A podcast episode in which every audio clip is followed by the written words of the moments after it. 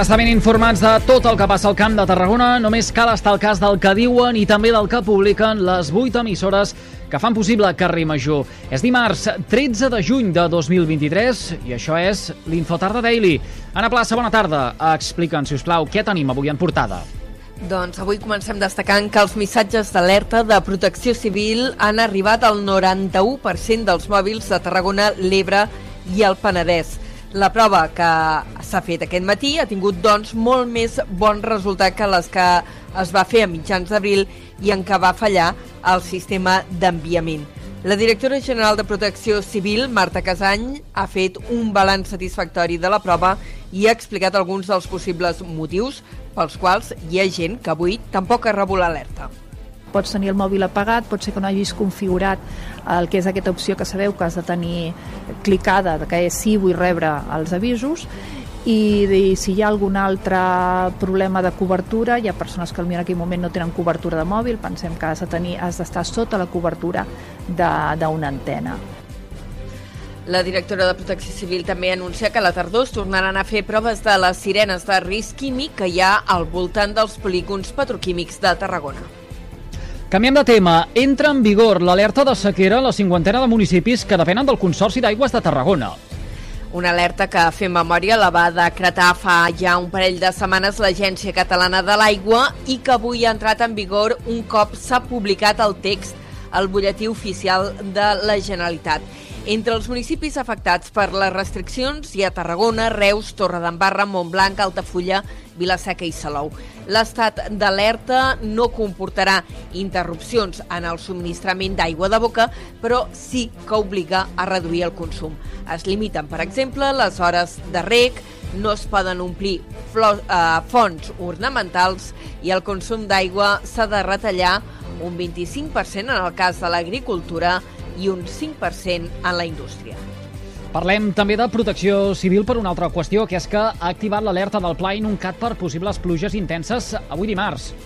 I és que aquesta tarda els ruixats es poden intensificar en qualsevol punt del país, on l'episodi podria ser més intens és a les comarques interiors del Camp de Tarragona, l'Alt Camp, la Conca de Barberà i el Baix Camp. També a la demarcació de Girona i el prelitoral central, on es podrien arribar a superar els 40 litres en mitja hora. A la resta del territori afectat per l'avís es preveu que se superin els 20 litres. Els xàfecs poden anar acompanyats de tempesta i de possibles episodis violents eh, com pedra o vent. De seguida connectarem amb el Servei Meteorològic de la xarxa de comunicació local i ampliarem aquesta informació. En tot cas, l'actualitat avui també passa per la política. Esquerra Republicana i Junts compartiran l'alcaldia de Montblanc. El pacte d'aquests dos partits, més els independents d'Espartem Poble, desbanca l'històric alcalde Josep Andreu, que va ser el més votat a les municipals. L'acord s'ha presentat públicament aquest matí. Els republicans amb Oriol Pallissó al capdavant assumiran els dos primers anys de mandat i els dos darrers els ocuparà junts amb Marc Vinya com a alcalde.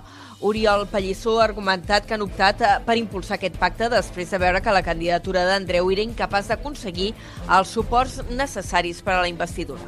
És un govern eh, fruit de la naturalesa política, les eleccions ens van donar aquest resultat i com deia abans el company Marc, eh, vam deixar doncs, que el grup eh, guanyador doncs, intentés formar govern i al veure que, que això no era possible, doncs nosaltres hem fet aquest pas per responsabilitat. Un govern fort, un govern sòlid i que esperem doncs, que aquests quatre anys es noti aquesta transformació que l'Ajuntament eh, volem desenvolupar. Les formacions han acordat estructurar el govern municipal en sis àrees i crear la Junta de Portaveus, tot i que encara no han de ser qui ocuparà cada regidoria, sí que se sap ja que Despertem Poble estarà al capdavant de Cultura i Turisme. I també hi haurà repartiment d'alcaldia a Torre d'Embarra, en aquest cas entre Esquerra i el PSC. S'explicava ahir a la tarda, Esquerra Republicana ostentarà l'alcaldia de la Torre el primer i l'últim any d'aquest mandat i el PSC ho farà el segon i el tercer. Junts també entra a formar part del nou executiu local. El republicà Eduard Rovira i el socialista Vale Pino han explicat que han optat per aquesta fórmula de govern ampli per garantir una estabilitat que durant molts anys va faltar a la Torre posant la nostra generositat damunt de la taula per garantir un govern estable i no tornar a moments de record a l'Ajuntament.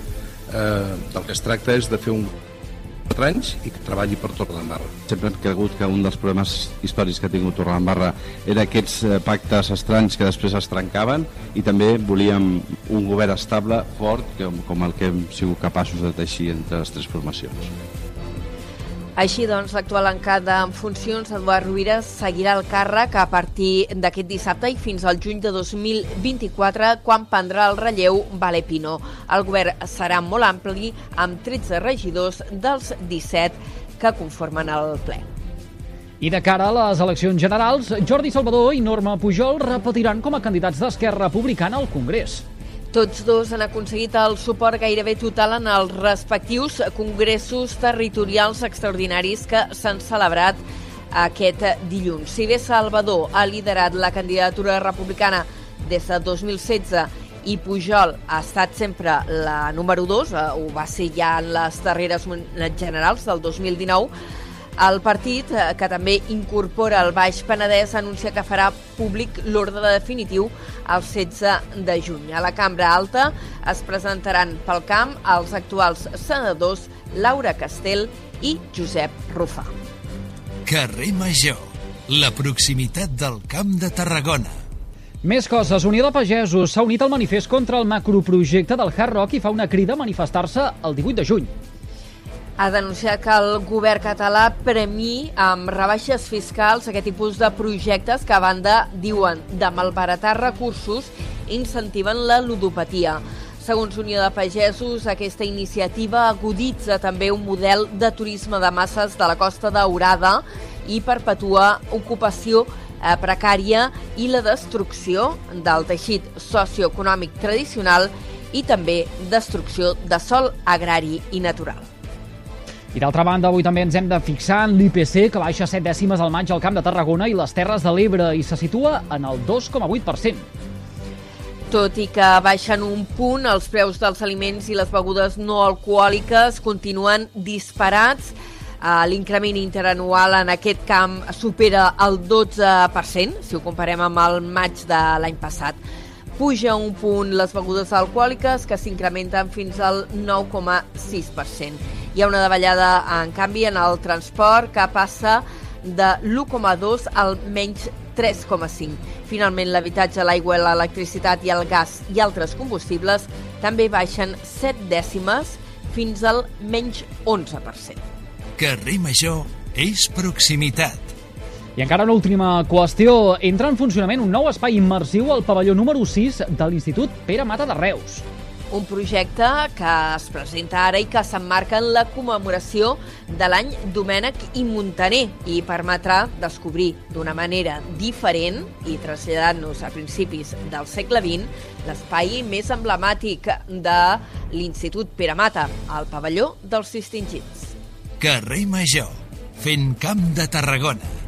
Ara sí que dit tot això hem de conèixer quin temps ens espera de cara a les properes hores i connectem com fem sempre amb el Servei Meteorològic de la xarxa de comunicació local. Lluís Pérez, hola, molt bona tarda. El temps no ha deixat de ser regirat les últimes hores per bé que tampoc ha plogut gaire de moment. Hem tingut alguns ruixats més intensos a primeres hores cap a les comarques de l'Ebre i tot just en aquests moments s'anima l'atmosfera, especialment a les comarques del Pirineu, Prepirineu i les de Girona, ja despategant alguns ruixats una mica més destacables. Justament aquest corró de xàfecs, de tamborinades, s'anirà afiançant en aquesta banda més al nord del país i anirà escombrant cap al sud. Al llarg d'aquesta tarda i vespre, gran part de la Catalunya central, les comarques de Girona i les de Barcelona acabaran tenint la seva ració de ruixats, alguns intensos i amb calamarsa. Ja les comarques de Tarragona i sobretot les del sud de Lleida, xàfecs però molt més aïllats i especialment ja a entrada a la tarda. Ambient xafogós, la veritat és que la temperatura ha baixat una mica però hi ha molta humitat, per tant ambient enganxós. Demà no acabarà de fer net i sobretot al matí al Pirineu i a la tarda a les comarques de Barcelona, nous ruixats. Doncs ja ho hem sentit, ambient enganxós i compta també amb els ruixats. Anna Plaça, ara sí ho haurem de deixar aquí. Gràcies per aquesta pinzellada informativa amb el més destacat de la jornada al Camp de Tarragona. Que vagi bé a reveure. Fins ara, adeu-siau. i tots vostès poden recuperar l'Infotarda Daily d'aquest dimarts 13 de juny mitjançant les xarxes socials de les 8 emissores que cada tarda passegen plegades pel carrer Major, així com també els seus respectius serveis de ràdio a la carta. Gràcies per seguir-nos.